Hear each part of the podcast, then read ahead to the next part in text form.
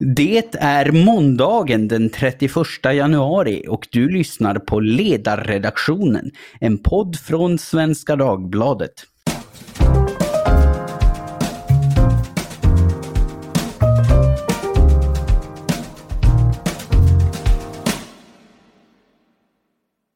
Jag heter Jesper Sandström och idag ska vi prata om Sveriges förhållande till försvarsalliansen NATO.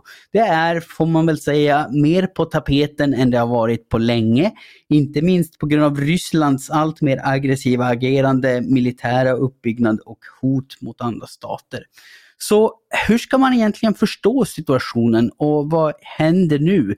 Det finns en riksdagsmajoritet för en så kallad NATO-option som inte är ett helt okontroversiellt begrepp det heller, det ska vi eh, komma in på senare. Men det är en tunn majoritet och det folkliga stödet är svajigt.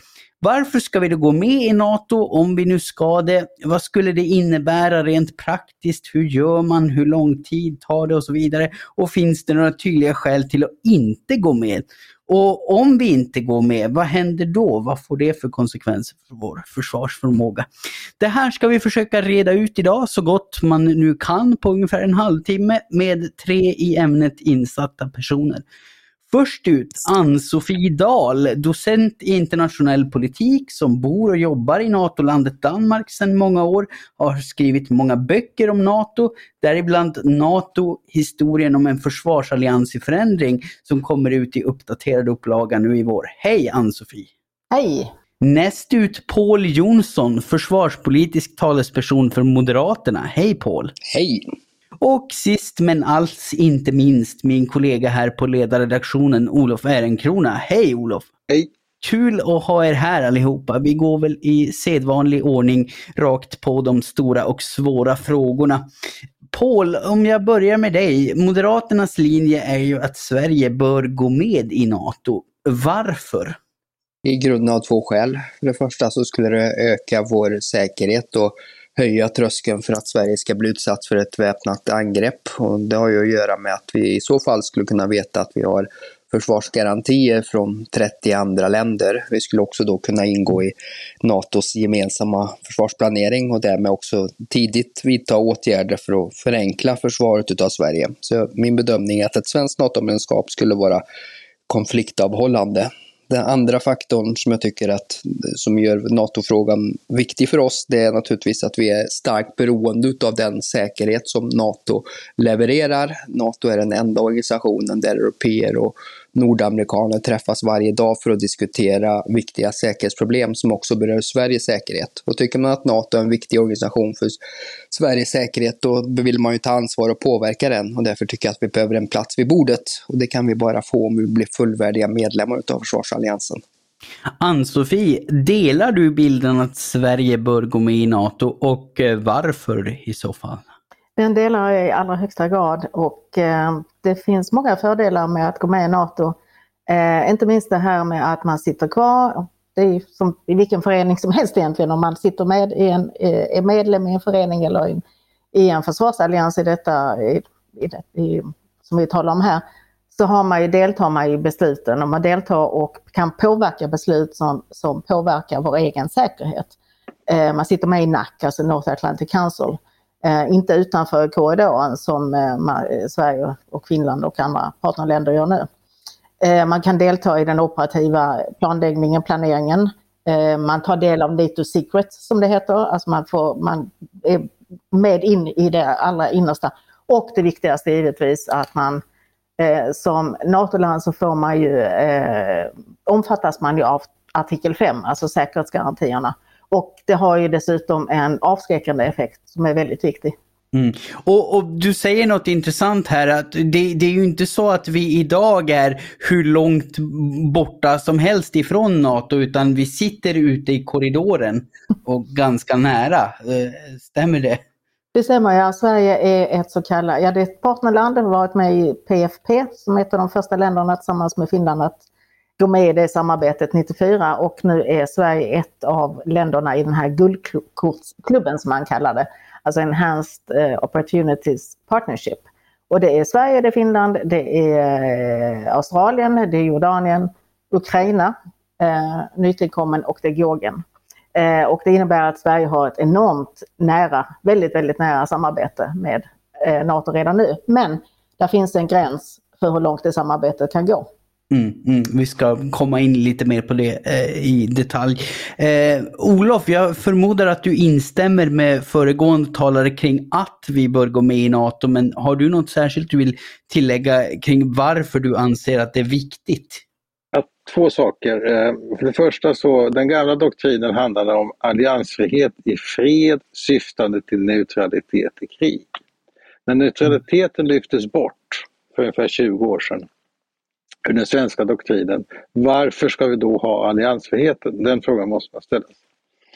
Eh, och jag menar att ett NATO-medlemskap är fredsbevarande av flera skäl. Det ena är att det är som har sagts tidigare att det är krigsavhållande därför att eh, Ryssland har hittills inte anfallit något NATO-land utan där man har anfallit är länder utanför NATO. Eh, det andra är att en militär konflikt innehåller en diplomatisk förberedelsefas och en fredsfas efter.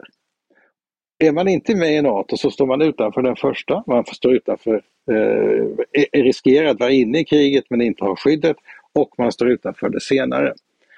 Eh, svensk diplomati är handikappat när man inte finns med i det rum där NATOs angelägenheter diskuteras. Och detta rör sig alltså om den nordöstra delen av EU. Det är ett tomt, ett diplomatiskt vakuum i, den, i en sån här avgörande kritisk situation av den typ vi befinner oss i nu. Så det, det är de två skälen. Det handlar dels om att alliansfriheten inte är meningsfull om man inte syftar till neutralitet och neutraliteten är borta ur den svenska doktrinen och det är en fredsbevarande åtgärd.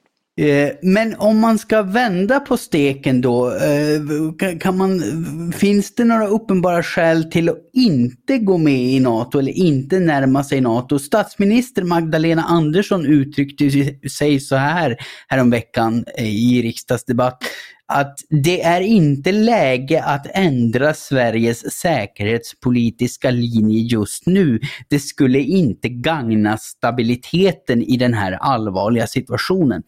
Hur ska man förstå ett sånt här uttalande? Vad säger du Ann-Sofie? Finns det en fara värd att beakta att det här inte gagnar stabiliteten, att det på något vis skulle göra situationen värre? Alltså först och främst så tar det tar ju en stund att gå med i NATO, att bli medlem i NATO. Så att eh, det skulle inte vara från en dag till en annan som det emellanåt framställs som. Eh, men från NATO och eh, från även säkerhetspolitiska experter framhåller ju gärna att stabiliteten och säkerheten i Östersjön idag är ju, den hade, den hade förbättrats om alla länder runt Östersjön hade varit med i NATO. Sverige ses ju som en slags eh, svagaste länken i Östersjön eftersom vi har både ett förhållandevis eh, svagt försvar, även om det håller på att byggas upp, eh, plus att vi står utanför NATO. Och det är ju ingen tillfällighet att Putin, Ryssland, ägnar så mycket kraft åt, åt just Sverige. Därför att vi är verkligen en, en svag länk. och det, det, jag ser inte det som något experiment, jag ser snarare det, den nuvarande politiken som ett experiment eftersom den bygger på eh, lösa antagningar och förhoppningar om att vi ska få, eh, få assistans från våra vänner, eh, men utan några säkerhetsgarantier.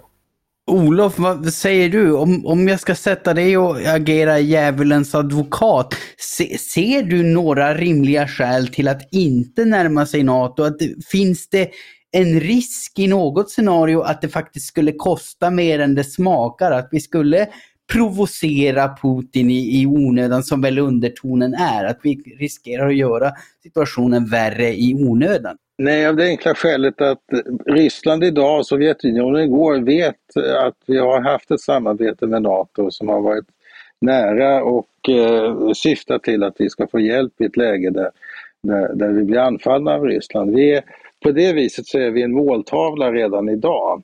Det som tillkommer när vi är alliansfria och inte har artikel 5-skyddet, det är också att vi uppfattas i den ryska militärdoktrinen som ett lovligt mål. Som ett lovligt byte, därför att vi är inte med i NATO och de riskerar inte en total konflikt med NATO om de anfaller ett icke-NATO-land. Så på det viset så är jag kan inte se något skäl till att inte bryta den här situationen vi har idag Och därför är det också feltänkt att säga att, så, att vi ska vänta till det är ett krisläge. Vi ska naturligtvis starta en process som handlar om en NATO-anslutning lugnt och stilla och på det sättet som OSSE-doktrinen gör gällande, Helsingforsavtalet, Parisstadgan ger oss rätt till och NATOs egna statuter ger oss möjlighet till. Mm. Eh, vi, ska, vi ska understryka det för lyssnare också som kanske inte är superinsatta i försvarspolitik. Ni har pratat om artikel 5-skydd och eh, det är, du får rätta mig om jag har fel Ann-Sofie, men principen om kollektivt försvar. Alltså att ett attack på, på ett av NATO-länderna ska ses som en attack på hela alliansen och alla är skyldiga att gripa in och försvara. Är det en korrekt? Enkelt sagt ja. Ja. Sen är alla, alla är inte skyldiga att, att, eh, att, att gripa till vapen. Utan det kan, man, kan göra, man kan komma till ett lands försvar på olika vis. Men, eh, mm, men det mm. finns alltså, det, det, inte minst handlar det om att eh, det är USA med de kärnvapenarsenaler som de har som, som är en, en avskräckande faktor i allra högsta grad. Ja. Paul, du diskuterade ju saken i gårdagens Agenda i SVT med bland andra försvarsminister Peter Hultqvist från Socialdemokraterna och han avfärdade ett närmande till NATO som ett experiment, en riskfylld och hastig förändring hos ett land som har haft en viss säkerhetspolitisk linje, e-, ett nej till NATO alltså under många år. Har du någon förståelse för den invändningen att det skulle vara ett experiment och har man varit med länge inom säkerhetspolitiken så känner man ju igen detta, att detta är då inte rätt tid och inga experiment här och att den säkerhetspolitiska linjen ligger fast och ingenting ska förändras. Motsägelsen är ju mellan den säkerhetspolitiska linjen då som man säger ligger fast och den försvarspolitiska linjen. Är det någonting vi har gjort i den försvarspolitiska linjen så har vi ju verkligen förändrat den genom att fördjupa våra internationella försvarssamarbeten. Det har vi ju varit ensam. men vi har ju gått nu väldigt långt i det försvarspolitiska samarbetet att vi har värdlandsavtal med NATO. Vi ska koordinera vår försvarsplanering med NATO. Vi lägger våra regementen nära den norska gränsen för att få stöd av NATO i, i händelse av risk för ett väpnat angrepp. Problemet är bara att nu uppfattas vi ligga så nära till NATO, men vi har fortfarande inte de gemensamma försvarspliktelserna. Och det tycker jag är problematiskt. Och jag tror att man bör ha klart för sig att det är skillnad mellan ett partnerland och ett medlemsland. Titta på Ukraina och titta på Georgien, de är också partnerländer. Och eh, det, det, finns alltså ingen garanti om man inte är fullvärdig medlem. Det argument som jag har respekt för när det kommer till komplexiteten med ett svenskt NATO-medlemskap, det är Finland. Jag skulle gärna se, vi skulle, skulle vi i Sverige fatta ett sådant beslut så vill jag att vi skulle göra det i nära dialog med Finland och helst tillsammans med Finland. Men sen är det två nationella parlament och självständiga beslut. Men jag skulle gärna se en svensk-finsk armkrok i det där. Och, eh, och se till att man har synkroniserade såna här election cycles och man försöker göra det tillsammans. Det är väl den saken som jag kan ha respekt och förståelse för att man kan säga att det är komplext. Ja, då har vi en lite bättre bild av det och eh, hur paneldeltagarna här ser på invändningarna. Men om vi då ska gå med i NATO, om vi lyckas övertyga både befolkning och riksdagspolitiker om att det är en god idé, så är ju inte heller det världens enklaste sak. Eh, Ann-Sofie, i en intervju med Svenska Dagbladet häromveckan så understryker du ju att det kan i media och i den politiska debatten finnas en bild av att vi är välkomna in i NATO när som helst och hur fort som helst. Men även om vi skulle vilja gå med så ligger ett medlemskap kunskap eh, rätt långt bort, säger du. Kan du förklara det lite mer ingående? Vad är det vi måste klara av om vi nu vill gå med och vad är det som kan ta tid? Ja, det är ju den här Open Door-policyn som, som NATO har eh, och som är inskriven i Washingtonfördraget, artikel 10. Eh, att, att eh, europeiska stater har, eh, som uppfyller kriterierna för medlemskap har rätt att ansöka om medlemskap. Eh, men det är ju, eh, det har ju framställts under senaste tiden inte minst lite som att det är från en dag till en annan.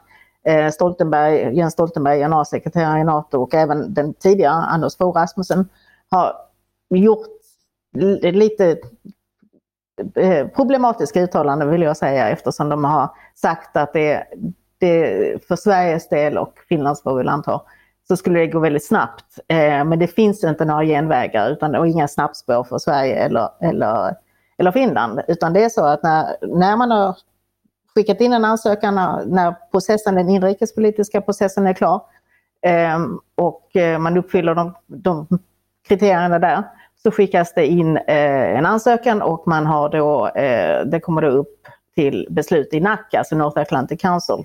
Eh, och därifrån, när det beslutet har fattats av, av då 30 medlemsländer, eh, därefter så går man in i någonting som kallas för MAP, Membership Action Plan, och det är väldigt passande att det är just MAP.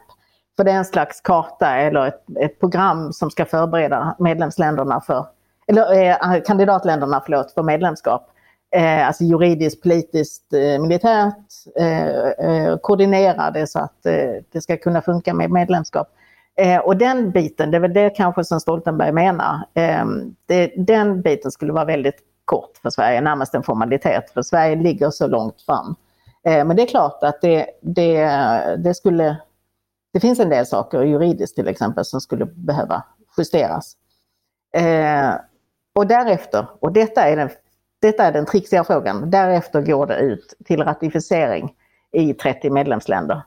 Eh, och Eh, det tar tid. Det, det är 30 länder, 30 parlament. Det kan hända väldigt mycket på den vägen. Eh, det är alltid kris någonstans i något land, någon regeringskris eller val eller någonting. Eh, och det, det, finns, det kan finnas debatter, det kan finnas argument om att Putin har vänner i Europa, låt oss säga som så, och som han skulle kunna använda sig av för att förhala processen.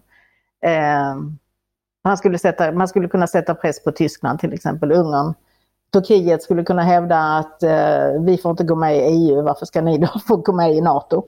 Till exempel. Eh, och det finns också i södra Europa så finns det eh, de som menar att detta kanske inte är så överhängande eller viktigt därför att det finns andra hotbilder som är, är, är väsentligare. Så det finns, och, och dessutom i den processen så finns det alla möjligheter då för påverkansoperationer från Ryssland. Eh, så det där är... Ja, och om man då ska tid. anlägga en dyster blick på processen, alltså säg att Sverige ruskar på sig lite yrvaket i ljuset av ett ännu värre omvärldsläge och säger att nej okej, glöm det här vi sa förut om att vi skulle vara alliansfria och så vidare. Vi vill verkligen gå med nu och helst så fort som möjligt.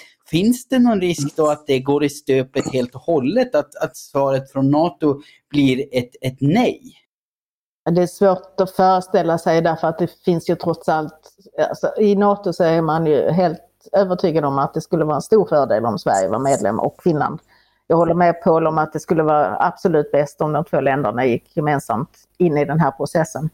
Eh, så att eh, man skulle väl göra vad man kan för att undvika att eh, något sånt läge uppstod. Men det, det finns eh, hinder på vägen som man skulle få forcera. Ja. Helt klart. Ja.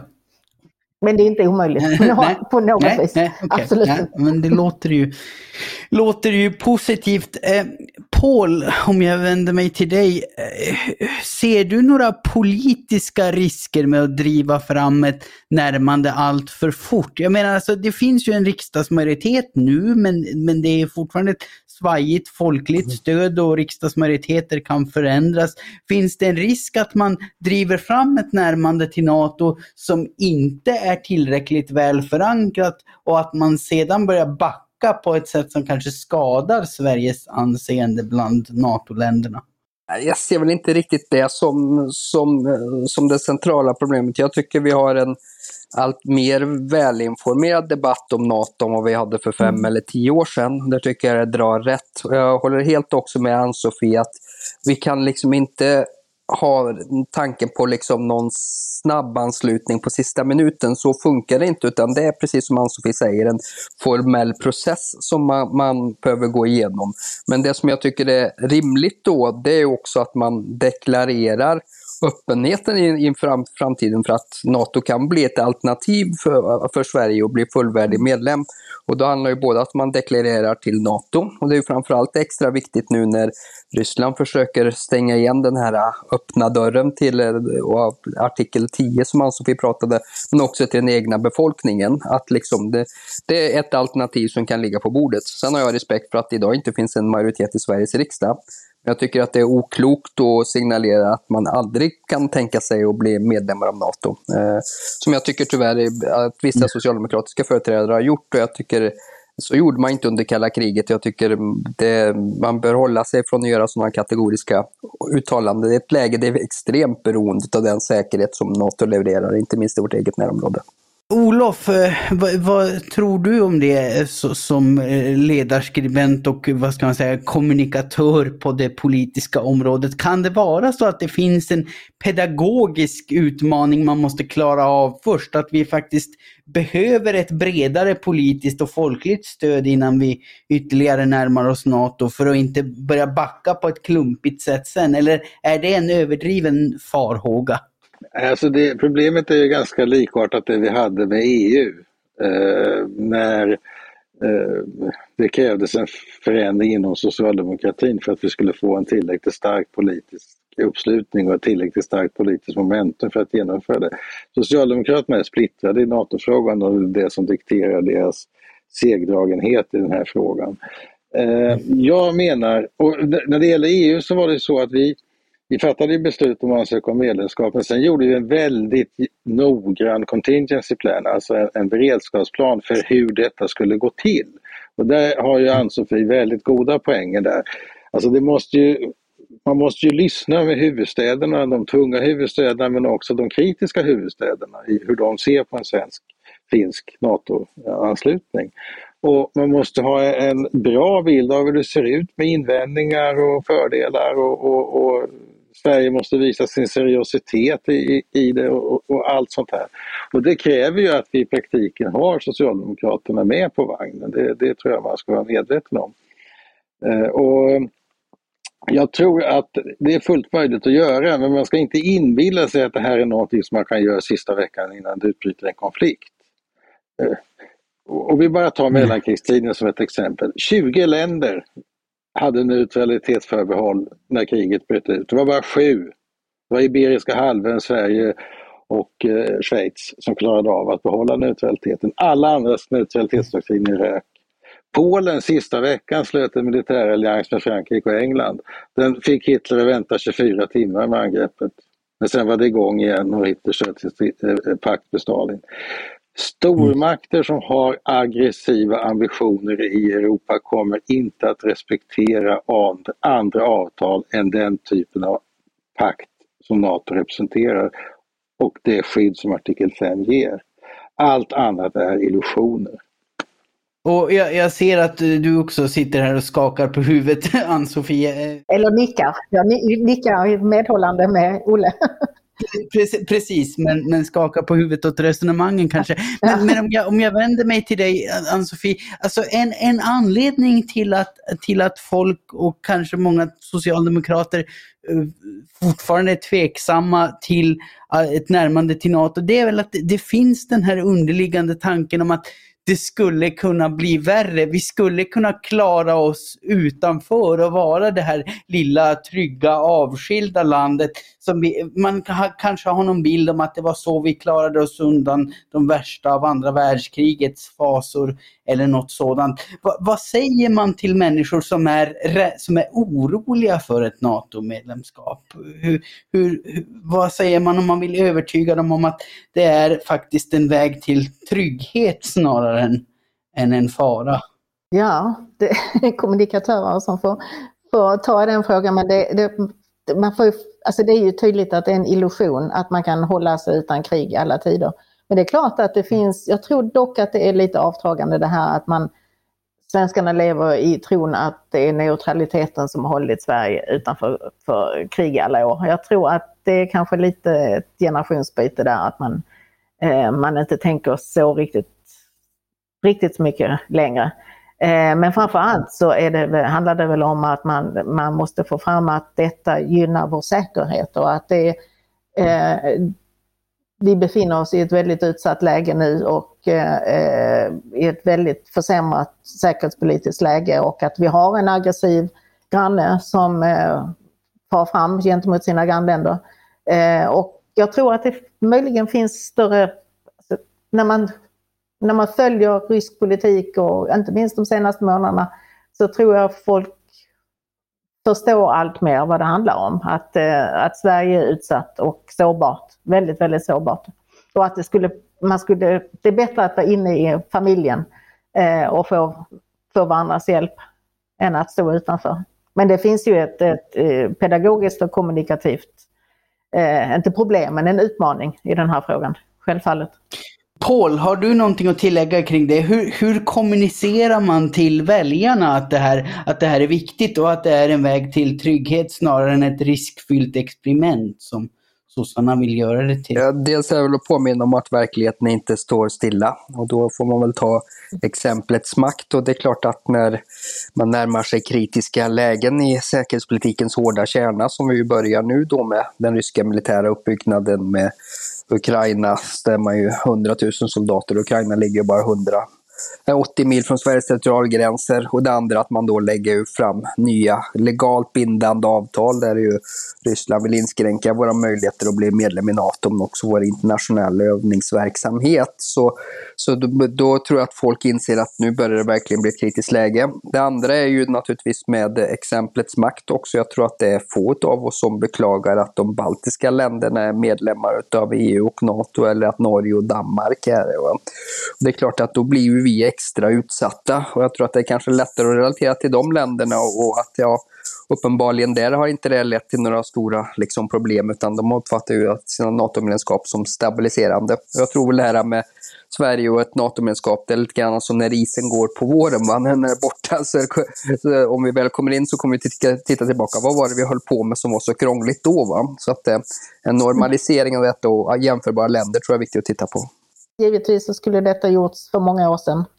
Eh, man skulle framförallt på 90-talet, om vi nu inte kunde gå med 49 som ett eh, grundarland som landet som jag eh, jobbar och bor i, Danmark är, eh, så skulle man ju kunna gjort, eh, flytta fram frågan under 90-talet, alltså när det var vackert väder i, i Europa efter kalla krigets slut och, eh, och då skulle man kunna gjort det gemensamt med Finland och det är synd att man att det den chansen eh, missades. Men, men så är det ibland i politiken. Då var det mycket annat. Det var EU-medlemskap och annat. Så att det, det fullt, var fullt upp. Jag ser att även du, Olle, räcker upp handen. Kort eh, slutord från dig innan vi får runda av för dagen. Ja, det är väldigt viktigt att ha klart för sig att den ryska ledningen vill säga upp den säkerhets och fredsordning som har gällt i Europa ända sedan Helsingforsavtalet slöts 1975. De vill kasta den över ända. Och det är den verklighet vi har att förhålla oss till. Och man har, under de här åren har man nu brutit på samtliga tio punkter med Helsingforsavtalet. Och en säkerhetsordning som ger Ryssland samma skydd för sin säkerhet som Estland och Ukraina för deras. Och mot ett avtal med Ukraina som Ryssland ingick tillsammans med USA och Storbritannien som garanterade Ukrainas territoriella integritet när Ryssland uppför sig på det här viset så måste vi naturligtvis vidta politiska dispositioner för att balansera det. Ja, för, för, det, för det framstår med all tydlighet så att Ryssland bryr sig inte om det som inte gynnar dem själva. Nej. Ja, med det krassa konstaterandet så börjar vår tid vara ute så jag får säga stort tack till alla er tre för att ni ville vara med och upplysa våra lyssnare. Och ni som ska ha tack är Paul Jonsson, försvarspolitisk talesperson för Moderaterna. Ann-Sofie Dahl, docent i internationell politik och bokaktuell NATO-expert samt redaktionens egen Olof Ehrenkrona. Tack också till alla som har lyssnat. Det ni har lyssnat på är Ledarredaktionen, en podd från just Svenska Dagbladets ledarredaktion. Synpunkter, kommentarer, åthutningar och beröm får ni gärna skicka till e-postadressen ledarsidan svd.se. Producent, det är som vanligt jag, Jesper Sandström och jag hoppas att jag får låna era öron och sinnen alldeles snart igen. Tack för den här gången.